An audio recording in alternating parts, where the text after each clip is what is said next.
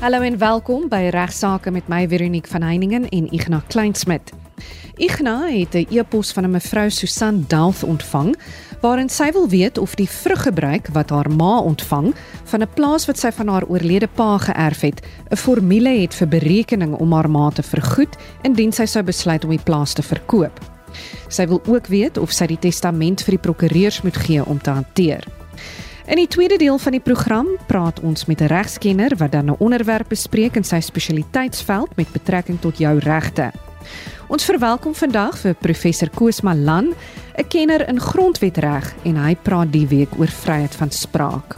Ons skop die program nou af met Ignas.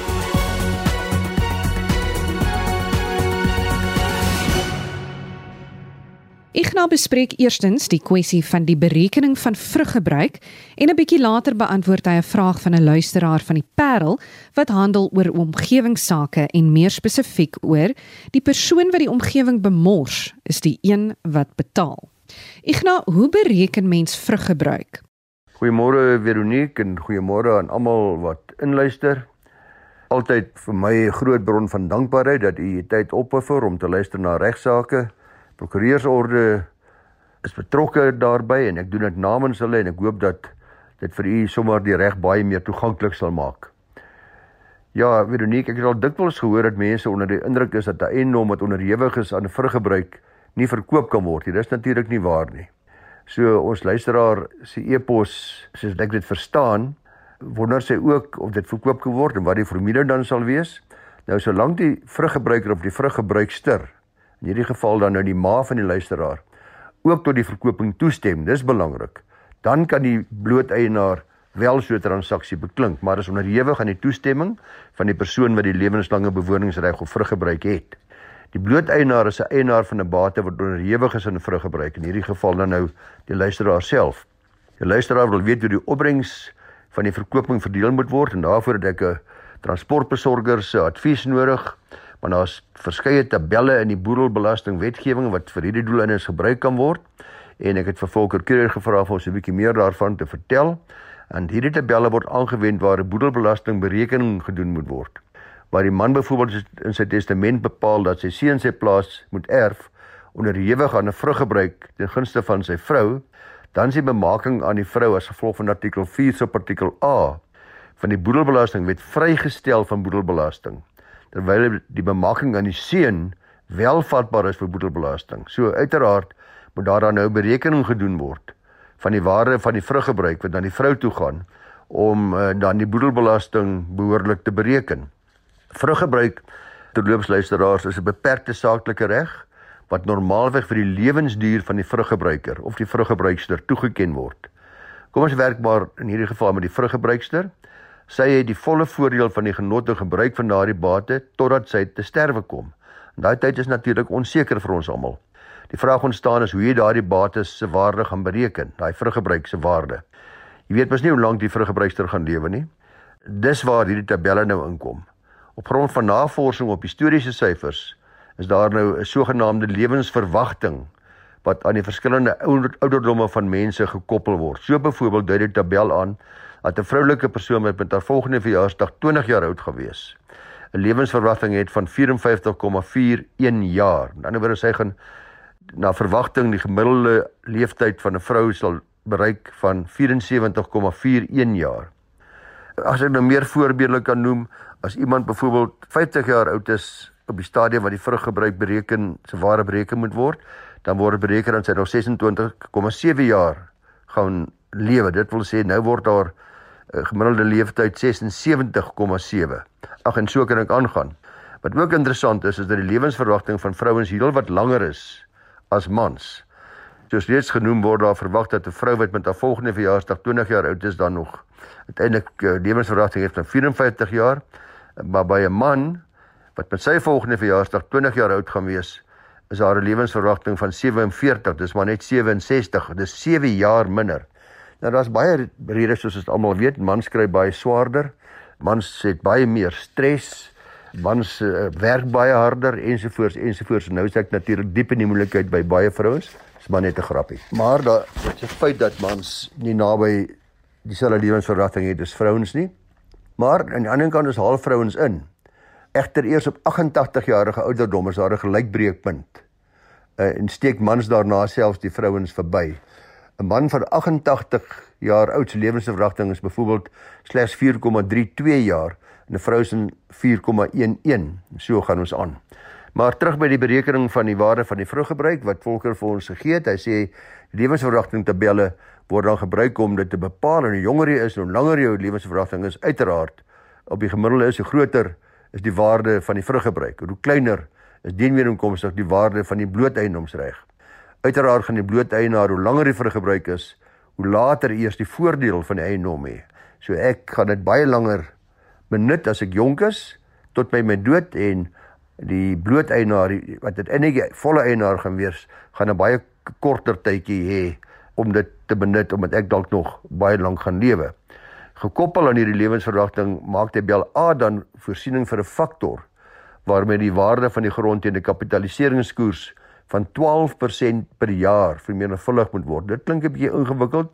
Ek gaan nie daarmee vermoei nie, daarmee belas nie, net om te sê die tabelle kan u self nog gaan kyk. Dis op SARS SARS se webtuiste beskikbaar en hierdie luisteraar kan ander luisteraars wat graag wil weet wat vruggebruik dalk oorweeg om te verkoop of weet wat die waarde daarvan is ook vir die doel in is met hulle eie boedels kan maar net met die life expectancy tables estate duties SARS internet soek doen om hulle te kry. So gaan na life expectancy tables estate duty SARS en dan gaan jy direk na daardie tabelle toe gaan.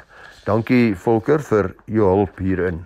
Nou ja, Ignas, ons het nog 'n e-pos ontvang, die keer van Polla van die Parel oor omgewingsake en meer spesifiek oor polluter pays. Met ander woorde, die persoon wat die omgewing bemors, is die een wat betaal. Ja, ek dink ek wonder of Polla daar van die Parel of hy dalk nou 'n familie is van die Polly wat die bekende liedjie die lig laat sien het van Polly ons gaan Parel toe. Hoe ook al sy hierdie welbekende beginsel van die internasionale omgewingsreg vind sy oorsprong reeds in 1974 onder leiding van die Organisasie vir Ekonomiese Samewerking en Ontwikkeling in sy mees basiese vorm. Behels hierdie beginsel dat persoon betrokke by die besoedelende aktiwiteit, die persoon bemors of besoedel, verantwoordelik behoort te wees vir die kostes ten opsigte van die voorkoming of behandeling van hierdie besoedeling. Hierdie kostes sluit in die kostes van die gemeenskap om dan uh, dit reg te stel. Dis 'n voorkomende en 'n vergoedingsbeginsel. En gelukkig vir ons is hierdie belangrike beginsel van die besoedelaar betaal ook opgeneem in Suid-Afrikaanse wetgewing onder andere in die nasionale waterwetgewing van 1998 want artikel 19.1 van die nasionale wet waterwet maak byvoorbeeld eh, dis nou 'n wet van 36 van 1998 voorsiening vir 'n eienaar van grond of 'n persoon beheer van grond of 'n persoon wat die grond okkupeer of gebruik waarop enige aktiwiteit of proses plaasvind. Dink net veral hier in mynbou of gaan plaasvind of reeds plaasgevind het wat kan lei tot besoedeling van 'n waterbron of reeds die besoedeling van 'n waterbron toegelei het, moet daardie genoemde persoon redelike stappe neem om te verhoed dat sodanige besoedeling plaasvind of voortgaan of weer plaasvind. So let wel, as die eienaar van grond of die persoon in beheer van grond of die grond wat die grond okkupeer of gebruik, moet redelike stappe neem om besoedeling wat plaasgevind het of gaan plaasvind te verhoed. Nou daar's 'n baie bekende saak wat al my kollegas wat luister goed sal ken is Harmony Gold Mining Company Limited versus the Regional Director Free State Department of Water Affairs en ander is 'n appelhofsaak van 2014. Die geskuld vir die hof was 'n persoon wat op 'n stadium die grond besit en gebruik en geokkupeer het, maar nou nie meer in beheer is van daardie grond of dit nie meer gebruik of besit nie, of hy die plig gehad het om redelike stappe te neem om besoedeling te voorkom. Harmony Gold het beweer dat omdat hulle nie meer die houer van die grond is na verkoop van die besigheid en die oordrag aan 'n derde nie, het hulle geen verdere verantwoordelikheid gehad ten opsigte van die rehabilitasie of die of liewers om die besoedeling van die waterbronne te beskerm nie. Hulle doen dus aansoek vir 'n direktief, 'n bepaling deur die hof wat bepaal dat hulle die besoedeling van waterbronne moet voorkom en uitgereik is uh, deur die departement dat dit ongeldig verklaar moet word en opgeskort moet word. Hulle voer aan omdat hulle nie die grondhouer is nie, het hulle geen verdere verantwoordelikheid nie. Hierdie aansoek word toegestaan in die hof van eerste instansie, maar dit word op appel geneem en in appelsaak in die hoogste hof van appel beslis die regters dat die plig om alle redelike stappe te neem om besoedeling te voorkom berus by die persoon wat die grond besit, beheer, gebruik of okkupeer. Want artikel 19 subartikel 3 van die nasionale waterwet maak dit duidelik dat die bedoeling van die wetgewer sê die hof was om 'n baie wye diskresionêre magte aan die minister in hierdie verband te verleen. Dit behels onder andere dat die minister by magte is om 'n besluit wat al die pligte is van 'n voormalige grondeienaar. Al het jy hom verkoop ten opsigte van 'n grondstuk en ook hoe lank daardie plig op hom of haar sal rus. Daar's dus niks in die bewoording van hierdie wet wat aandui dat die minister se magte beperk word nie. Die rasionaal agter artikel 19.3 luisteraars was duidelik om die landbouer te verplig om besoedeling of die risiko daarvan aan te spreek, hoe lank dit ook al mag neem om dit af te handel en natuurlik verdwyn hierdie rede nie bloot omdat die persoon nie meer die houer van die grond is nie. Die bedoeling was nie dat die voormalige houer van die grond ooit sy verpligtinge kan vryspring of wegdoen deur maar bloot weg te stap wanneer hy van die grond afstand doen of dit verkoop nie wat sou dan kon gebeur as hy die grond oordra aan 'n besigheid byvoorbeeld wat bankrot is, wat gesekwestreer word? So die appellant se streng interpretasie van artikel 19 se artikel 3 sal uh, wat die hof betref lê en ek stem saam tot absurde gevolge dat 'n besoedelaar kan wegloop van sy besoedeling wat hy self veroorsaak het sonder om enige geldelike of ander verantwoordelikhede te dra ten opsigte van hierdie besoedeling. So Harmony Gold verloor dan ook hierdie appel en word verantwoordelik gehou vir die besoedeling of die appelslaag teen hulle. Hulle word verantwoordelik gehou vir die besoedeling of terwyl die neem van stappe en alle redelike kostes om hierdie besoedeling te beëindig en seker te maak dat dit verdwyn. Die reg kan soms baie gekompliseerd wees veral as dit kom by die verdeling van magte in die verskillende afdelings binne in die staat. Ignas, hoe werk die verdeling? Ja, Veronique, uh, 'n goeie vraag want onlangs was daar 'n baie belangrike uitspraak in ons hoogste hof, naamlik die grondwetlike hof of konstitusionele hof. Dis was in die saak van die premier van Gauteng en ander teen die demokratiese alliansie en ander 2022 in hakkies 1 saak bladsy 16. Want in terme van artikel 139 van die grondwet word die provinsie gemagtig of bemagtig om in te gryp wanneer 'n munisipaliteit binne sy grense, binne daai provinsiale grense dus, nie sy uitvoerende verpligtinge volgens die grondwet of die wetgewing kan nakom nie. En in daardie saak het dit gehandel oor die regmatigheid van 'n resolusie deur die Gautengse uitvoerende raad om die stad Tshwane metropolitaanse munisipale raad te ontbind. Wat aanleiding gegee het hiertoe was gedurende 'n tydperk toe die DA dooidpunt bereik het in die uitvoering van hulle pligte. Hulle kon niks doen nie. En natuurlik het dit 'n groot impak gehad op hulle vermoë om hulle openbare funksies te verrig. Dit was as gevolg van oppositieraadslede, sekere oppositieraadslede wat herhaaldelik uitgestap het voordat besluite by vergaderings geneem kon word.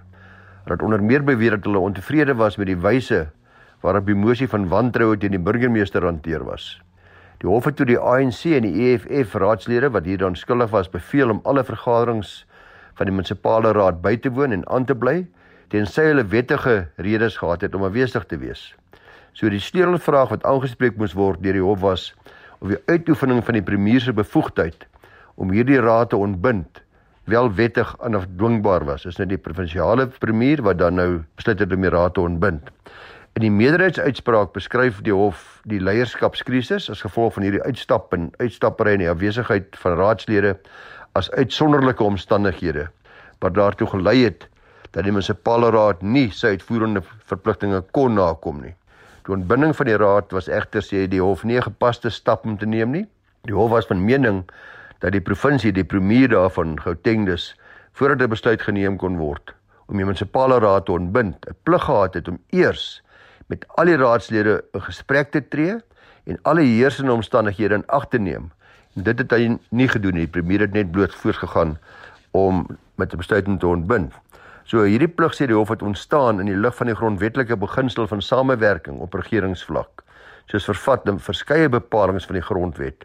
So alhoewel daar verskeie gesagsliggame is soos jy sê wat regeer, is daar ook 'n plig, 'n beginsel van samewerking op alle regeringsvlakke. In die grondwet insluit in artikel 154 se artikel 1 spesifiek daarop gemik om die vermoë van munisipale rade te ondersteun en te versterk deur provinsiale regerings. Nie net om bloot net te gaan te ontbind nie. Die besluit is om die munisipale raad te ontbind sê die hof was onvanpas. Daar was ander remedies wat eers benut kon word, maar baie minder ingrypend was vir die regeringsautonomie van die munisipale raad. So die ontbinding is tersyde gestel, maar dit dring in teen die beginsel van regmatigheid. Die hof gaan verder en meen dat 'n komitee aangestel moet word om die oorsaak van die dooie punt van die munisipale raad te ondersoek en gepaste sanksies en verriglyne aan te beveel. So die posisie in Tshwane en Gauteng is oomblik onbekend, maar ek glo die politici daar sal vir ons kan sê hoe dit nou gaan na hierdie hofuitspraak. En as hulle stil is, moet ons maar die media dop hou om te sien of die uitspraak wel die nodige en korrekte effek gehad het. Groete aan die almal, 'n lekker dag en luister gerus na ons spesialis gas se wysheid. Dankie soos altyd aan jou Igna, asook Volker Kreur vir julle insette in vandag se program. Ons praat nou met professor Koos Malan oor vryheid van spraak. So indien jy al ooit gewonder het wat jy mag sê en nie mag sê nie, moet jy ingeskakel bly. Professor Malan, aangesien byna almal deesdae toegang tot sosiale media het, is die reg van vryheid van spraak 'n daadwerklike kwessie en die Suid-Afrikaanse grondwet maak ook vir vryheid van spraak voorsiening. Kan jy vir ons verduidelik wat behels die reg op vryheid van spraak en is dit slegs die grondwet wat regsreëls daaroor neerlê? In werklikheid het ons nie iets soos die reg op vryheid van spraak nie. Meer bepaald het ons reg op vryheid van uitdrukking 'n mooi Afrikaanse woord is om te sê die reg op vryheid van betuiging in Engels the right to freedom of expression. Die rede waarom dit belangrik is om tussen hierdie breër begrippe aan die een kant teenoor vryheid van spraak aan die ander kant te onderskei is om te onderstreep dat dit waarop mens 'n reg het is nie net dit wat jy sê nie, maar ook enige ander vorme van betuiging of uitdrukking van jouself. Het sy dit spraak is, het sy dit skryf is, het sy dit 'n kunswerk is en ook ongeag die soort van medium wat jy gebruik deur middel waarvan die kommunikasie plaasvind met inbegrip dan ook van ehm um, die elektroniese media, televisie, radio ensovoorts, die hoofstroom media en dan natuurlik ook sosiale media. Nou wat betref die vraag of dit nie die grondwet is wat uh, met hierdie kwessie handel, nee, inderdaad nie. Daar is ook ander wetgewing wat daar betrekking het, soos die wet op die bevordering van gelykheid en die uitskakeling van onbillike diskriminasie. Engelse uitdrukking daarvan is die sogenaamde Pepuda wet wat dateer uh, in die jaar 2000. En dan baie belangrik is dit so dat die hele kwessie van die afbakening van 'n mens se reg van vryheid tot uitdrukking oor die eeue heen eintlik ook baie deeglik vir voorsiening gemaak is in ons gemeenregtelike tradisie en wat ons daarbey bedoel is die reg soos wat dit ontwikkel het aan die hand van die Romeins-Hollandse regsgeskiedenis en ook die Engelse regsgeskiedenis, Engelse regstradisie soos wat dit verder deur die Suid-Afrikaanse howe hier te lande ontwikkel is. Hierdie gemeene reg het veral betrekking op twee stelle verhoudings. In die eerste plek is daar die verhouding tussen mense onderling waarvoor dan veral die privaatreg voorsiening maak en die lasterreg het inderdaad ten minste die reg op vryheid van uitdrukking het inderdaad daarop betrekking. Maar dan is dit so dat die reg op vryheid van uitdrukking ook bepaalde uitwerking het in die strafreg. Hoekom? Want in bepaalde gevalle kan sekere forme van uitdrukking as so nadelig beskou word dat dit op 'n misdryf neerkom as gevolg waarvan 'n strafregtelike vervolging teen iemand ingestel kan word. Nou wat is aanvaarbare en onaanvaarbare uitdrukking en waaroor kan jy in die moeilikheid beland? Kom ons begin by die privaatreg.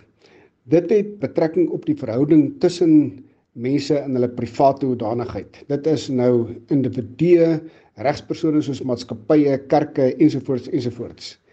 Die basiese uitgangspunt met betrekking tot wat is aanvaarbaar en wat is nie aanvaarbaar nie, meer bepaald wat is regmatig, met ander woorde wat word toegelaat in die reg teenoor wat is onregmatig.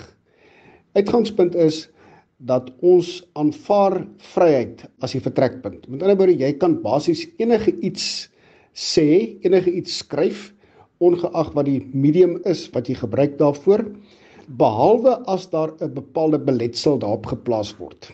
Nou ons kan kyk na die privaatreg en die sê as dit ware vir ons wat die beletsels is. Jy mag jou uitdruk soos jy wil met betrekking tot 'n ander persoon, maar jy moet altyd daarop bedag wees dat daar 'n belangeafweging moet wees tussen die reg op vryheid van uitdrukking aan die een kant en moontlike teenstrydige aansprake op die ander kant. Soos jy kan in die proses van jou uitlaat oor 'n ander persoon jou dalk aan laster skuldig maak. Met ander woorde, die persoon se goeie naam aantas, sy reputasie aantas. In Latyn is dit jy kan sy fama aantas, sy goeie naam. Dit is waar die Engelse begrip defamatory vandaan kom of famous vandaan kom of infamous vandaan kom. In 'n ander woord jy kan op sy goeie naam inbreuk maak onregmatig en dan maak jy jou skuldig aan laster en dan loop jy die risiko van 'n moontlike eis teen jou. Daar's baie interessante kwessies daar rondom. Wanneer iemand 'n openbare figuur is soos 'n politikus, dan laat sodanige persone mos dit baie baie wyer oop as 'n gewone privaat persoon vir aanvalle op sy persoon. En so 'n persoon sal baie moeiliker 'n oortuigende eis kan instel op grond van laster. Dan is dit natuurlik ook nog ander goed. Mense reg van vryheid van uitdrukking kan ook nie so ver gaan dat jy onbehoorlik op iemand se waardigheid of op iemand se privaatheid inbreuk maak nie. Indien wel kan dit lei tot eis vir skadevergoeding of in bepaalde gevalle eis vir genoegdoening. Ek wil net daarop wys ook dat mens ook 'n interessante kwessie het dat die reg op vryheid van uitdrukking het natuurlik ook betrekking op die kommersiële sektor. Ons sien dit elke dag soos wat ons uh, van advertensies kennis neem. Nou jy kan uh, van die reg van vryheid van uitdrukking ook so wyse gebruik maak met betrekking tot 'n advertensie dat dit inderdaad onregmatig is twee maatskappye wat uh, met mekaar kompeteer kan byvoorbeeld op so wyse te mekaar kompeteer dat uh, die advertensies wat hulle aanwend inderdaad onregmatig is vir soverre as wat dit inbreuk maak op die goeie naam van die ander maatskappy. En dan kan dan dit uh, inderdaad uh, gedagvaar word vir vir skadevergoeding of daar kan aansoek gedoen word vir 'n interdik om die maatskappy wat dan nie ongelyk is met sy bepaalde onregmatige advertensies te verbied om dit te doen. Goed. Nou, waar kom die grondwet en ander wetgewing in die prentjie? Die tersaaglike bepaling van die grondwet hier is artikel 16. Artikel 16.1 lui dat elkeen die reg het op vryheid van uitdrukking waarby inbegrepe is vier dinge. A. Vryheid van die pers en die media. B. Vryheid van om inligting en idees te ontvang en oor te dra. C. Die vryheid van artistieke kreatiwiteit. Dan D akademiese vryheid en die vryheid van wetenskaplike navorsing. Nou baie belangrik, hierdie vier dinge is by die reg op vryheid van uitdrukking inbegrepe. Met ander woorde, dit strek veel wyer as dit hierdie vier items word net spesifiek uitgesonder. Van groter belang miskien vir ons luisteraars is artikel 16.2. Dit bevat drie dinge wat nie inbegrepe is by die beskerming van die reg op vryheid van uitdrukking nie. Oorlogspropaganda word nie beskerm nie die aanstigting van dreigende geweld val nie ook onder beskermingswaardige vryheid van uitdrukking nie en dan natuurlik haatspraak. Die bepaling lê dat die reg op vryheid van uitdrukking omvat nie die verkondiging van haat wat op ras, etnisiteit, geslagtelikheid of godsdienst gebaseer is en wat aanhitsing om leed te veroorsaak uitmaak nie. Nou ons moet onmiddellik hierby byvoeg ook die bepalinge van artikel 1 van die Wet op die bevordering van gelykheid en die uitskakeling van onbillike diskriminasie. Want dit voeg nog 'n hele aantal ander gronde by op grond waarvan haatspraak verbied word. En dan het dit ook 'n algemene opvangbak bepaling op sterkte waarvan iets soos vreemdelingskap, byvoorbeeld die feit dat iemand van 'n ander staat afkom waarby dit as dit ware ook inbegrepe is enige vorm van haatspraak ten aansien daarvan is ook verbode. Nou ja, dit is natuurlik baie ter sake op hierdie stadium vir soverre as wat ons hierdie eh, voortdurende aanhitsing van geweld en ook gevalle van daadwerklike geweld ervaar in die land op hierdie stadium. Wat is die verskil tussen haatspraak en laster? Nou ek dink die beste manier om dit saam te vat is soos volg. Wanneer iemand gedagvaar word vir laster, dan is dit gewoonlik 'n individuele persoon of 'n maatskappy wat optree omdat iemand anders die dader daardie individu of daardie maatskappy in sy persoonlike hoedanigheid benadeel het, sy reputasie aangetas het. Wanneer ons merk met haatspraak, is dit onmiddellik opvallend dat ons praat van groepe, gemeenskappe, ras, geslag, taalgemeenskap, 'n godsdienstige gemeenskap of iets in dier voege. So haatspraak, die verbod op haatspraak meer korrek, anders as die verbod op laster om dit so uit te druk, probeer mense beskerm in hulle groepshoedanigheid dat jy moenie mense beledig of geweld aanstig of haat aanstig teenoor mense vir die groep waarna hulle behoort nie. Die rassegroep of die kultuurgroep of die taal of godsdienstige groep of watter ander groep ook al waarna hulle behoort nie. Met ander woorde waar laster die verbod op laster mense as dit ware beskerm in hulle persoonlike hoedanigheid en laster eise voorsien kan word laster eise ingestel kan word is die gedagte met die verbod op haatspraak dat dit as dit ware openbare vrede moet bewerkstellig vir soverre as wat haatspraak dit belediging van 'n persoon of persone in hulle groepsodanigheid verbode is en daar bepaalde maatreëls daarteen getref kan word onder andere maatreëls eh, wat eh, getref kan word ingestel kan word deur die howe die gelykheidshof en dergelike ander instellings om haatspraak sover as moontlik te te werk Baie dankie professor Koos Malan vir jou deelname in vandag se program. Ek is maandag weer terug met nog regsaake. Indien jy 'n e-pos wil stuur in verband met regsaake, kan jy so maak deur 'n e-pos vir my te stuur na vero@rsg.co.za. Van my Veronique van Heiningen groete tot volgende week.